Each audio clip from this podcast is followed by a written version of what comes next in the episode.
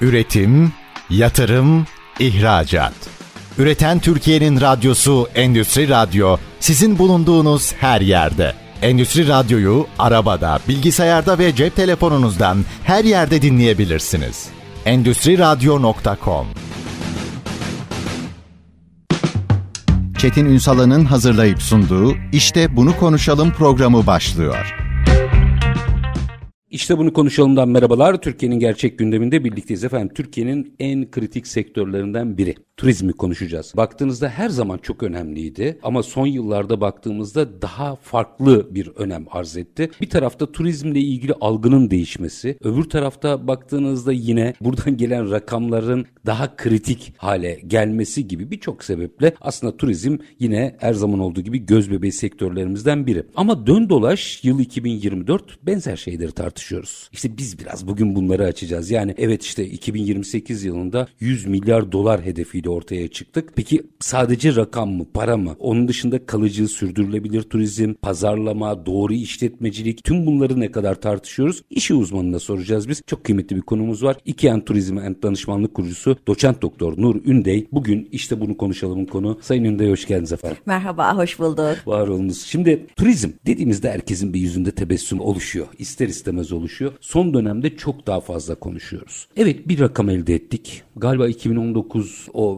flash yılı da yakaladık. Tamam bu da güzel. E, hedefi de yükselttik. Tamam güzel. Ama ben madalyonun başka tarafına bakmak istiyorum. Pazarlamadan işletmeciliğe kadar. Bir şeyleri değiştirebildik mi?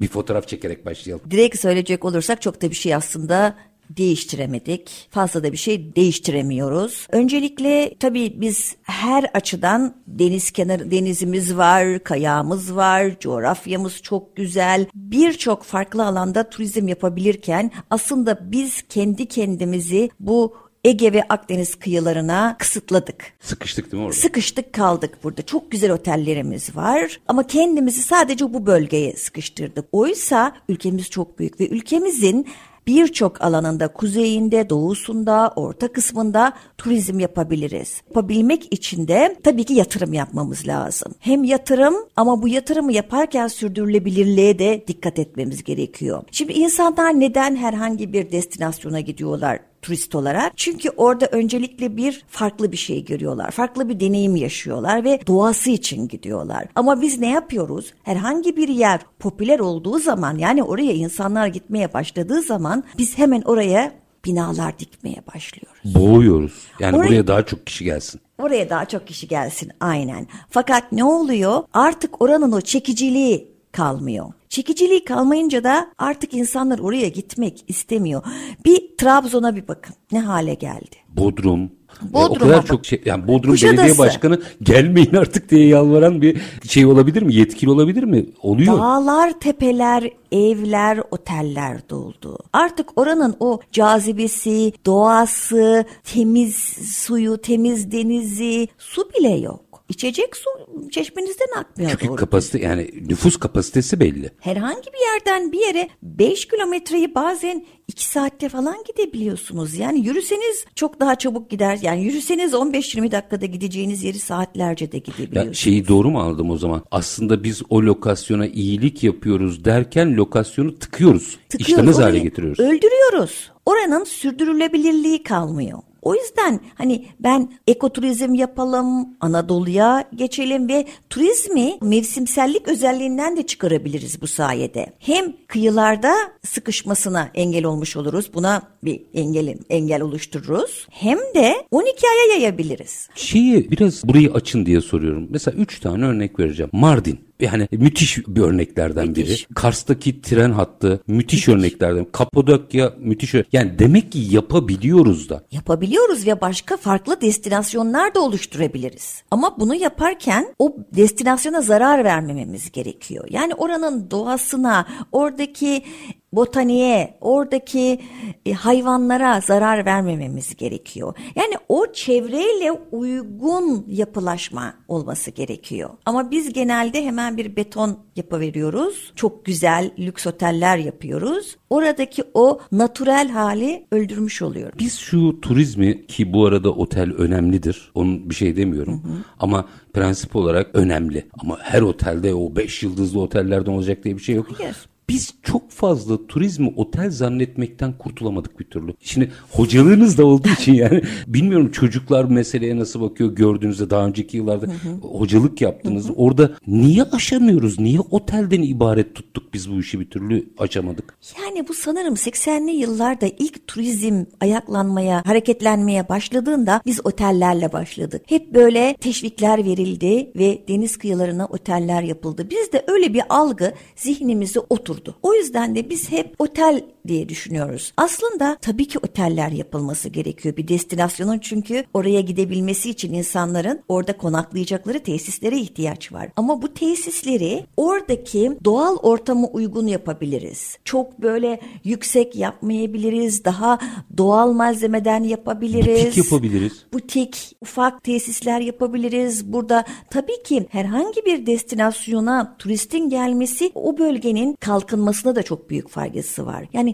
turizm yoluyla kırsal kalkınmayı da gerçekleştirebiliriz. O bölgeye turist geldiği zaman sadece o otelde yani ya da turistik tesislerde çalışan yerel halk bundan faydalanmıyor. Aynı zamanda o turistik tesislere sebze Mal meyve satıyor tabii. veren Çünkü şey dış ticaret fazlası veren bir sektör. Aynen. İçeriden besleniyor. Aynen. Birçok insan evinde nakış yapan teyze bile bundan faydalanıyor. Gelen turistler nakışlarını alıyorlar. Yani oradaki ekonominin dönmesine ve özellikle kadınların da kendi ekonomik güçlerini kazanmalarına faydası oluyor. Çünkü oradaki kadınların evde ürettikleri doğal ürünleri de insanlar satın alıyorlar geldikleri zaman. Ya da oradaki butik otellerde bu doğal ürünler de servis edilebiliyor. Yani ülkemizin sadece tarihi eserden oluşmuyor. Yani arkeolojik sit alanlarından oluşmuyor. Doğası da çok güzel. Bunun yanında gastronomimiz de çok Kültürü, gastronomisi. Aynen. Ya şey böyle herkese bir sektör verirse Allah sanki Anadolu'yu alın burada turizm yapın diye yaratmış. Aynen her şey var. Her şey var. Bunu tabii tanıtmamız son derece önemli. Bunun tanıtımını yapmamız, bunu insanlar tarafından bilinmesini sağlamamız. Ama tabii bir taraftan da artık günümüzde insanlar deneyime dayalı turizm tercih ediyorlar. Deneyim yaşamak istiyorlar. Yani eskiden biz işte ben rehberlik yaptım uzun yıllar Anadolu rehberliği yaptığımızda işte 40 kişiyi bir otobüse koyuyorduk. Oradan oraya oradan oraya gidiyorduk. Büyük restoranlarda işte yemeklerimizi yiyorduk. Yani mass turizmde anlatıyorduk öğren yerlerinde. Artık insanlar bunu istemiyor. Yani- İnsanlar deneyim yaşamak istiyor. Görmek değil yapmak üzerine bir turizm. Aynen, aynen deneyim. Orada o deneyimi yaşamak istiyor. Yani oradaki yerel halkla sohbet etmek istiyor. Oradaki yerel insanların yediği restoranda yemek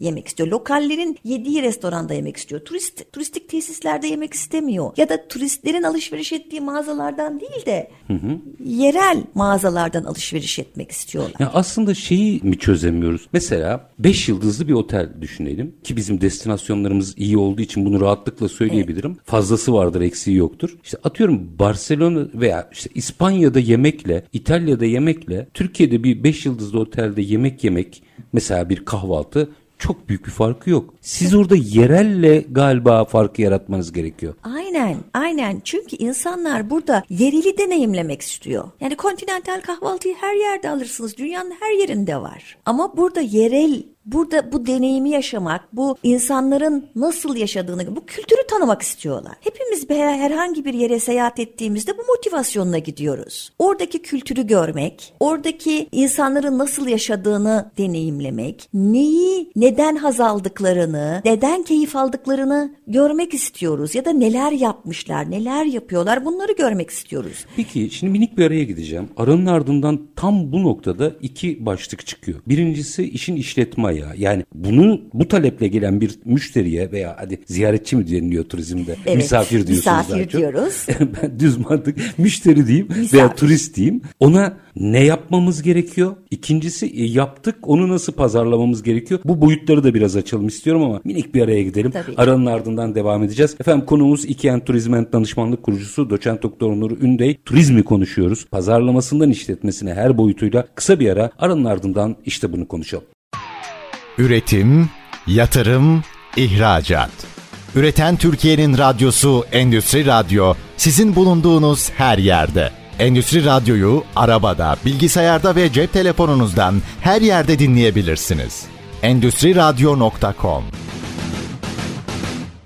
Kısa ardından işte bunu konuşalım demeye devam ediyoruz efendim. Konuğumuz İKEN Turizm and Danışmanlık Kurucusu Doçent Doktor Nur Ündey. Turizm konuşuyoruz. Aslında sıkıştığımız noktayı çok güzel anlattınız ve bunu yaymamız gerekiyor. Şimdi yayarken de konaklamanın önemli olduğunu ama konaklamanın 5 yıldızlı otel anlamına gelmediğini ifade ettiniz. Yöreye göre o işler ki bizim 70'lerde 80'lerde pansiyonumuz vardı. Aynen. Pansiyon kültürümüz vardı. Bugün Avrupa'nın veya şöyle diyeyim para harcayan turistin butik oteller hani o zamanın pansiyonu şimdinin butik otelleri ni tercih ettiğini görüyorsak durup bir düşünmemiz lazım. O zaman soru şu pazarlamaya geleceğim. Bizim daha o işletmeleri ki bundan otelleri kastetmiyorum sadece oradaki restorandan otele tabii ki belki taksicisine kadar bizim işletmeciliğini nasıl yapmamız gerekiyor? Öncelikle dürüst işletmeci olmamız gerekiyor. Bizdeki sıkıntılardan bir tanesi de ben şimdi paramı kazanayım sonrası Allah kerim. Bu sezon durumu. Bu sezon iyi gitsin sonrası Allah kerim. İşte bu da tabii ki sürdürülebilirliğe engel oluyor. Sürdürülebilir olmuyor. Çünkü insanlar artık kimse aptal değil. Herkes Google açabiliyor. Her şeyi görebiliyor. Bir yere gidiyorsunuz orada turiste fahiş fiyat verdikleri zaman bir daha oraya güvenmiyor. Verdiğiniz açık büfede verdiğiniz yiyecekler kaliteli değilse ve buradan insanlar hasta oluyorsa yine bir sıkıntı karşımıza çıkıyor. Dürüst İnsanlar olacaksınız. Yani basiretli tüccar olacaksınız. Aynen. Öncelikle dürüst olmanız gerekiyor. Bir de yeni turist artık insanlar öyle özellikle de varlıklı insanlar dünyanın her yerinde zaten gezmiş oluyorlar. Ve bu beş yıldızlı otellere falan zaten çoğu doymuş oluyor. Daha butik ama servisi yüksek standartta konaklama Açın tesisleri önemli. istiyor, istiyorlar. Yani Butik ama yüksek butik standart. ama yüksek standartta. Yani size orada birinci sınıf hizmet vereceksiniz. Orada çalışan personelinizin yabancı dili çok iyi olacak. Nasıl servis yapması gerektiğini, turistle nasıl konuşması gerektiğini bilecek. Çok nazik olacak. Kullandığınız malzemeler birinci sınıf olacak. Ama doğal. O çevreye, bulunduğunuz destinasyonun doğasına uygun olacak. Bunun yanında sabah kahvaltıda çıkardıklarınız herhangi bir otelde dünyanın herhangi bir yerine gittiğinizde yiyebileceğiniz şeyler olmayacak. Paketli peynir olmayacak yani. Paketli peynir değil. Rastgele söylüyorum. Oradaki köylünün yapmış olduğu ya da o bölgeye has peyniri Orada koymanız. biraz derste çalışmaları gerekmiyor. Mesela o peyniri koyduğunda turiste mesela kahvaltıya geldiğinde onun hikayesini de anlatabilme falan gibi kabiliyetler de gerekmiyor mu? Mutlaka ki gerekiyor. Orada da yiyecek içecek departmanına iş düşüyor. Oraya geldikleri zaman açık büfe ise de onun başında durup bu peynirimizden tatmanızı öneririz. Bu bizim bölgemizin, köylülerimizin yaptığı peynirdir. Bu reçeli köyümüzdeki kadınlar yapmıştır. Tamamen organiktir. Yine bizim bu bölgenin diyelim ki işte kayısı ağaçlarının kayısılarından yapılmıştır gibi bunu tanıtırlarsa çok daha çekici olur. Yani o deneyimi de yaşamış olurlar.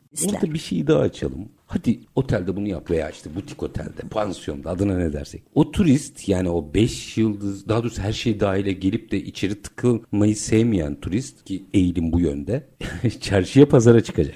Şimdi o zaman Anadolu'nun nereye gitsek, neresine gitsek, il, ilçe, neyse herkes turizm istiyor. Bu çok Herkes. güzel.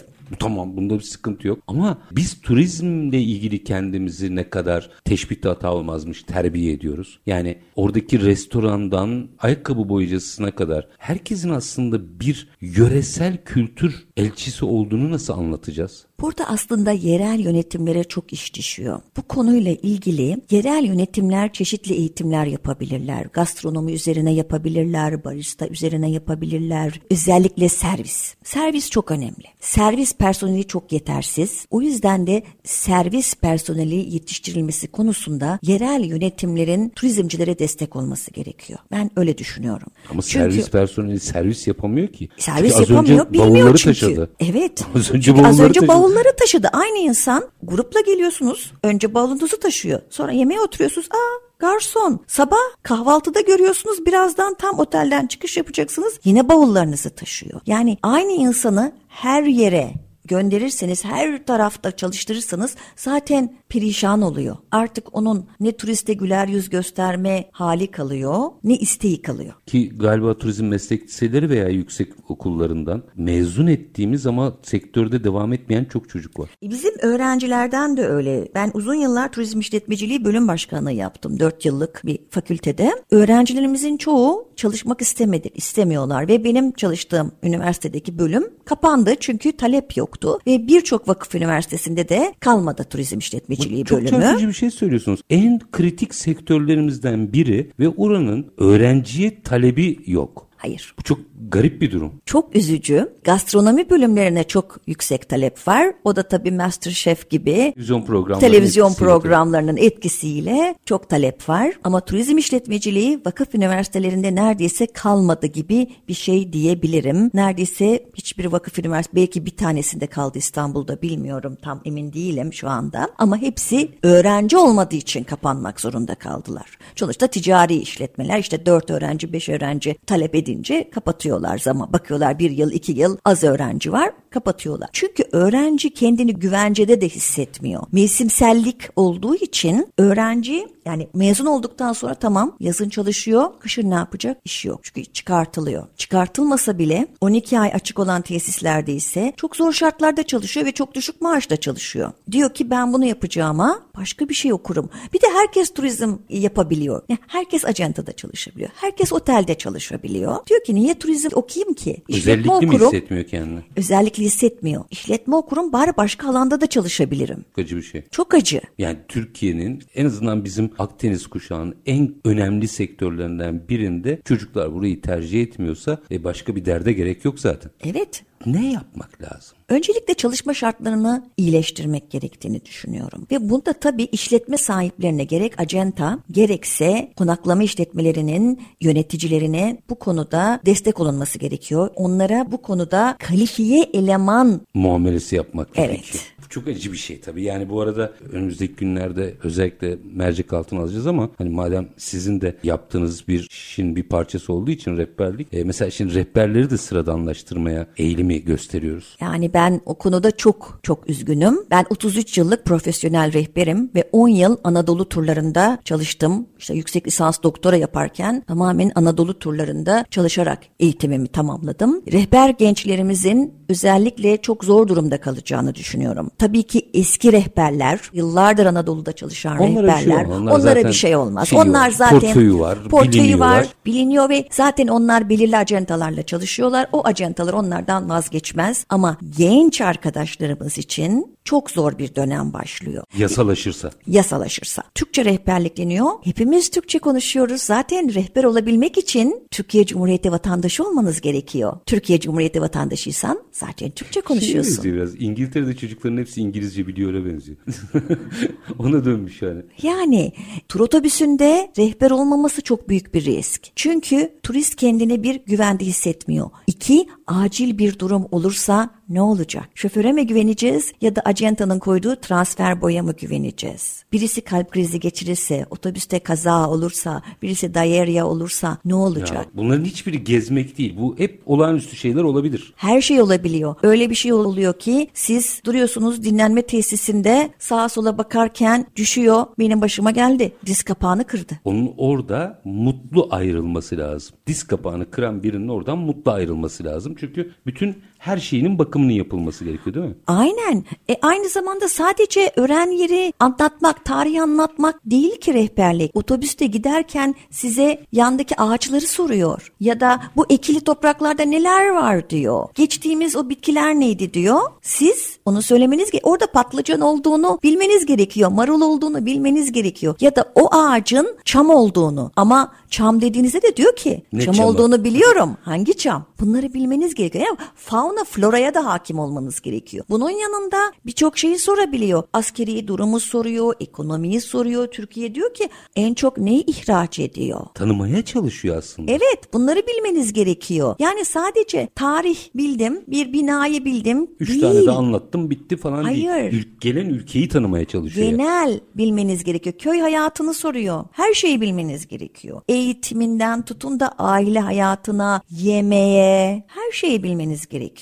Şimdi aslında bu da bence işletmeciliğe giriyor. Yani oradaki rehber de başlı başına bir işletmeci ve oradaki işletmenin kalitesini düşünemezsiniz. Rehberiniz kötüyse bütün tur biter. Ve siz bir turizm acentası olarak o turdan herkesten şikayet alırsınız. Rehber çok önemli. Bu arada tabii gelecek potansiyeli de keser. Aynen. Çünkü artık günümüzde şu dijital medya var. Tabii tabii. Ve insan turiz, turizm ürünleri satın alınmadan önce denenme şansı olmadığı için başkalarının tavsiyeleri çok önemli. Herhangi bir turistim, turizm ürününü satın almadan önce günümüzde insanlar dijital medyada başka insanların yorumlarına bakıyorlar. Yani gelen insan tanıdığı kadar değil. Artık dijital medya var. Dijital medyadaki yorumlara bakıyor ve sizin hakkınızda kötü yorumlar varsa tabii ki tercih etmeyecektir. Orada şimdi bir dakika sonra bir araya gideceğim ama anladığım kadarıyla bizim mesela bir yerel yönetim eğer o bölgesinde turizm yapmayı hedefliyorsa bunu makro içinde biraz sonra açacağım. Anladığım kadarıyla esnafını eğitmek durumunda. Kesinlikle. Otelcisini eğitmek zorunda. Orada bütün hizmet verenleri hatta belki de zaman zaman o ilde veya ilçede yaşayanlara briefing vermek durumunda. Aynen öyle. Yani bu iş hadi turistler gelsin biz de onlara bir şeyler satalım, üç günde konaklatalım durumu değil. Kesinlikle değil. O zaman burada derdin iyi anlatılması gerekiyor. İşte onun bir tık sonrası var şimdi. Asıl bunları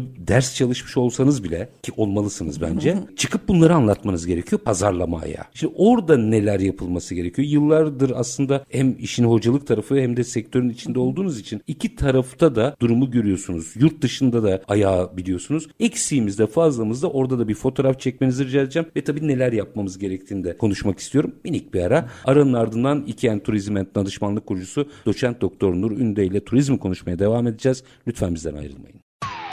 Üretim, yatırım, ihracat. Üreten Türkiye'nin radyosu Endüstri Radyo sizin bulunduğunuz her yerde. Endüstri Radyo'yu arabada, bilgisayarda ve cep telefonunuzdan her yerde dinleyebilirsiniz. Endüstri Radyo.com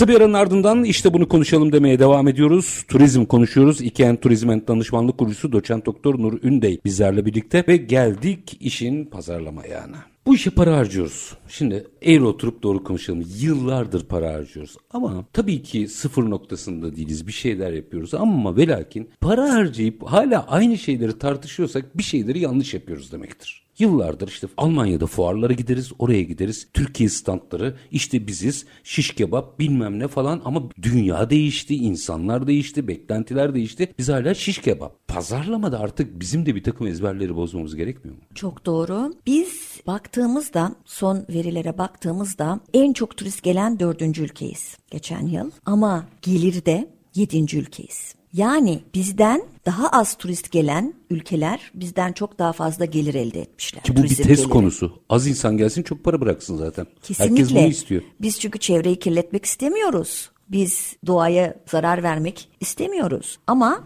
düşünün ki bize çok insan geliyor ama az para bırakıyor. Çünkü biz ucuz pazarlıyoruz ülkemizi. Ucuz pazarlamak yani marka olmak istiyoruz ama marka olmak için pahalı olmanız gerekiyor. Ucuz hiçbir ürün marka Veya olamaz. en azından değerini alalım. Yani değerine bile razıyım ben. Yani biz her şeyi çok Sonra ucuza- Barcelona gibi uçuk fiyatlar isteriz ama değerini alalım hiç olmazsa. Diyoruz ki gelsinler, yeter ki gelsinler. O da tabii ki bize kaliteli turistin gelmesine ne engel oluyor. Şimdi siz düşünün ki büyük fabrikalar sahibisiniz. İnsanlar yani fabrikasındaki işçiyle birlikte aynı otelde kalmak istemez. Çünkü biz 5 yıldızlı otellerimizi öyle ucuza pazarlıyoruz ki herkes gelebiliyor. O yüzden o en yüksek kalitedeki insanlar ya da kalite demeyeyim de Segment diyelim. segment diyeyim.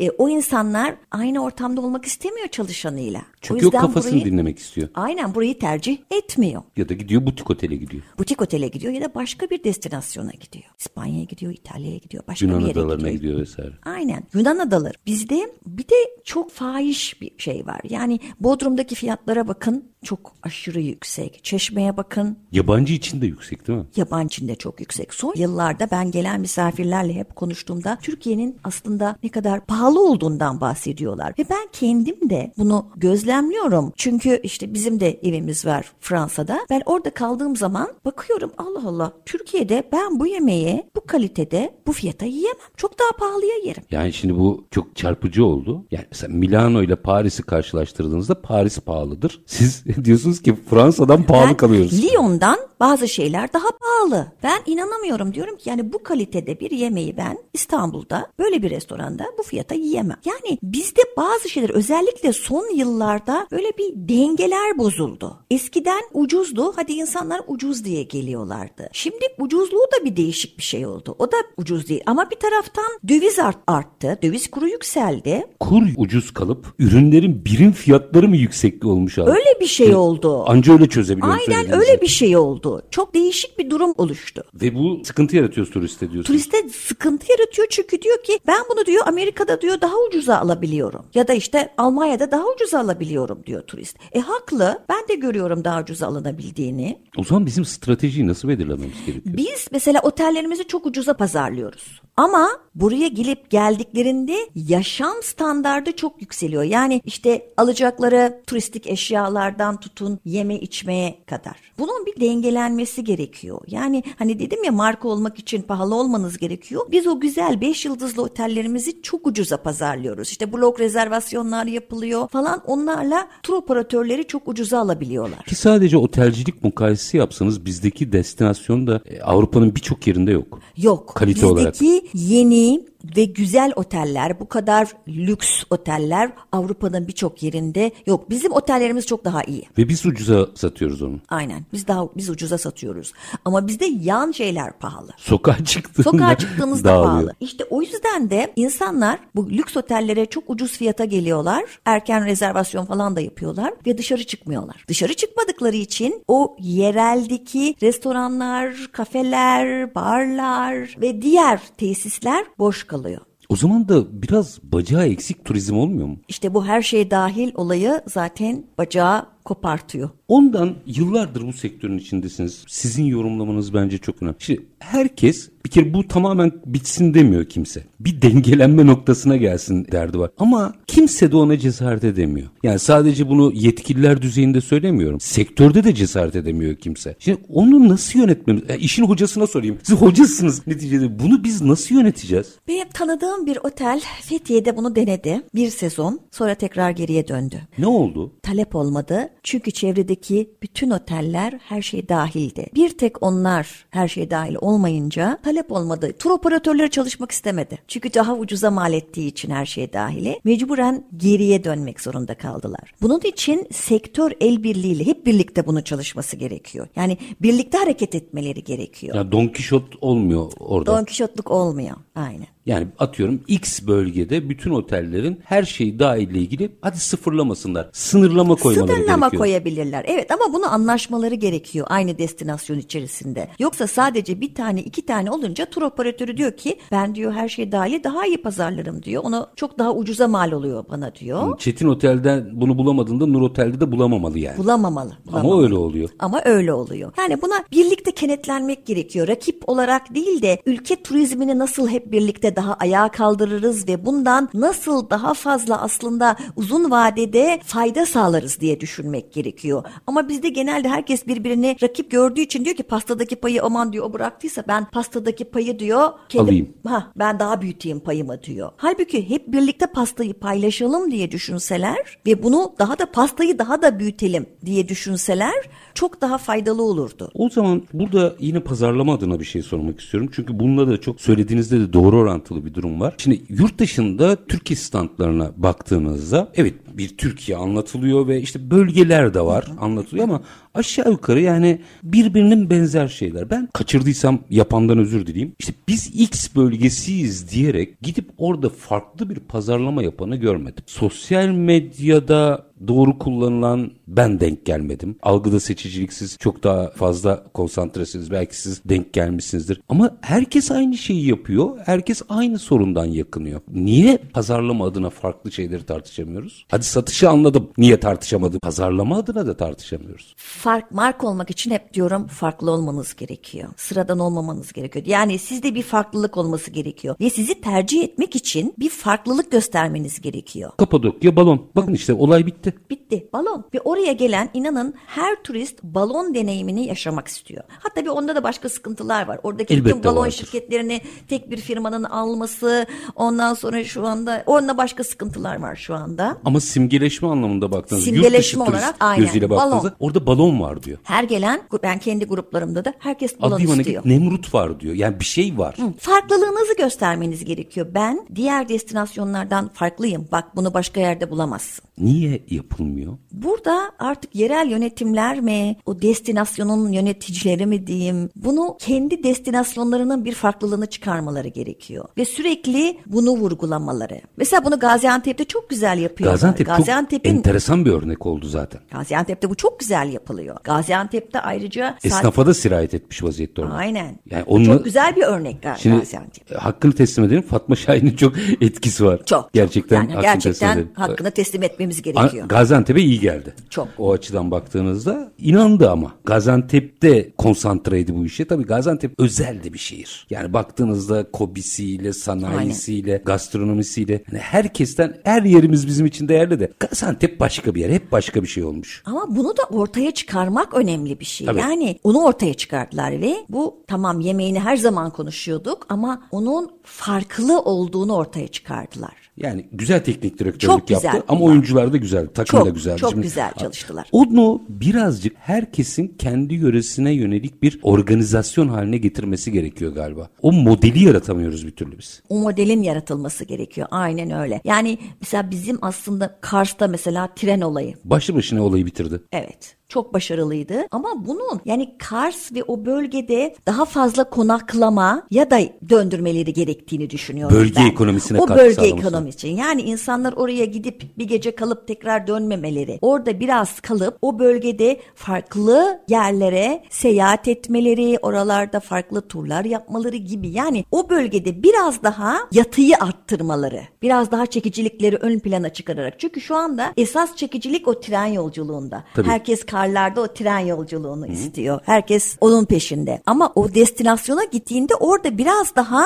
konaklamaya özendirmesi, konaklama süresini uzatması bölgeye faydalı olacağını Oralarda düşünüyorum. biraz ders çalışamıyoruz. Yani mesela iki tane örnek vereyim siz analiz edin diğer taraflar ilham alsın. Mesela Iğdır'a gittiğimde doğal olarak hani Türkiye'nin en ucu ne var orada falan diye düşünüyorsunuz. Gerçekten gittiğinizde de hani çok özelliği olan bir yerde ama bir vali konağı caddesi var. Oradaki kafeler, gençler, insanlar, orada yaşayanlar saat 12 kadınla erkekli herkes ailesiyle orada. Şimdi o zaman bir dakika diyorsunuz Iğdır bambaşka bir yer buranın Paris'i. Adıyaman'a gidiyorsunuz. Aa, orada da Nemrut Dağı var demiyor. Burada güneşin batışını izlemeniz lazım diyor. Hep hikaye var. Biz Hikaye. hikayeyi kaçırıyoruz. Bunu biraz analiz edin ne olur. Hikaye olmadan turizm olmuyor. İnsanlar hikaye duymak istiyorlar. O yüzden herhangi bir destinasyonu popüler yapmak istiyorsak onun hikayesini anlatmamız gerekiyor. Bu sadece aslında destinasyon için değil. Yani bir restoran mı açıyorsunuz? Bir hikayesi olmalı. Yoksa bile yaratmanız gerekiyor. Buna bir hikaye yaratmanız gerekiyor. Yoksa sıradanlaşıyor galiba. Yoksa sıradan oluyor.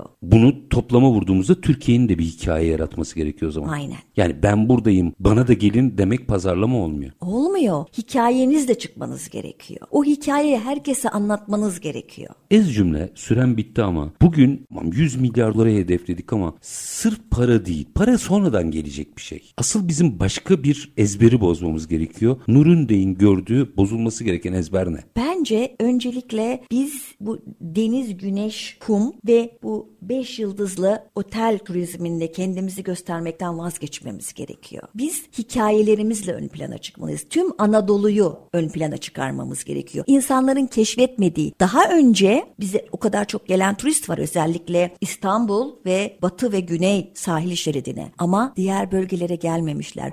O bölgelere de gelmeleri yani tekrar tekrar gelmelerini sağlamamız gerekiyor. Türkiye'yi seven insanların. Yüreğinize sağlık. Bence bunları çok daha fazla konuşmamız gerekiyor. Yani hem sektörden biri hem hoca hem bölüm başkanlığı her tarafı sizle konuşma şansım oldu. Çok teşekkür ediyorum. Ben Sayın çok Bey. teşekkür ediyorum. Çok keyifli bir sohbet. Var olunuz benim için de öyle. Efendim biz bugün turizmi konuştuk. Aslında Sayın Ündey'in söylediği bir hikayeleştirme. Türkiye'nin hikayesini yazmamız gerekiyor. Zaman zaman söylerim bir defa duyanlar için. Tokat'ta 3.8 milyon yıllık bir mağaramız olduğunu ve oranın turizme uygun bir şekilde dizayn edildiğini kaç kişi biliyor? Biz bilmiyorsak dünya nasıl bilecek? Size bırakıyorum cevabını. Biz bugün İKEN Turizm and Danışmanlık Kurucusu Doçent Doktor Nur Ünde ile turizm ve pazarlama tabii ki işin işletmecilik boyutu da olmak üzere pazarlama ilişkisini konuştuk. Her zamanki gibi bitirelim. İşinizi konuşun, işinizle konuşun. Sonra gelin işte bunu konuşalım. Hoşçakalın efendim.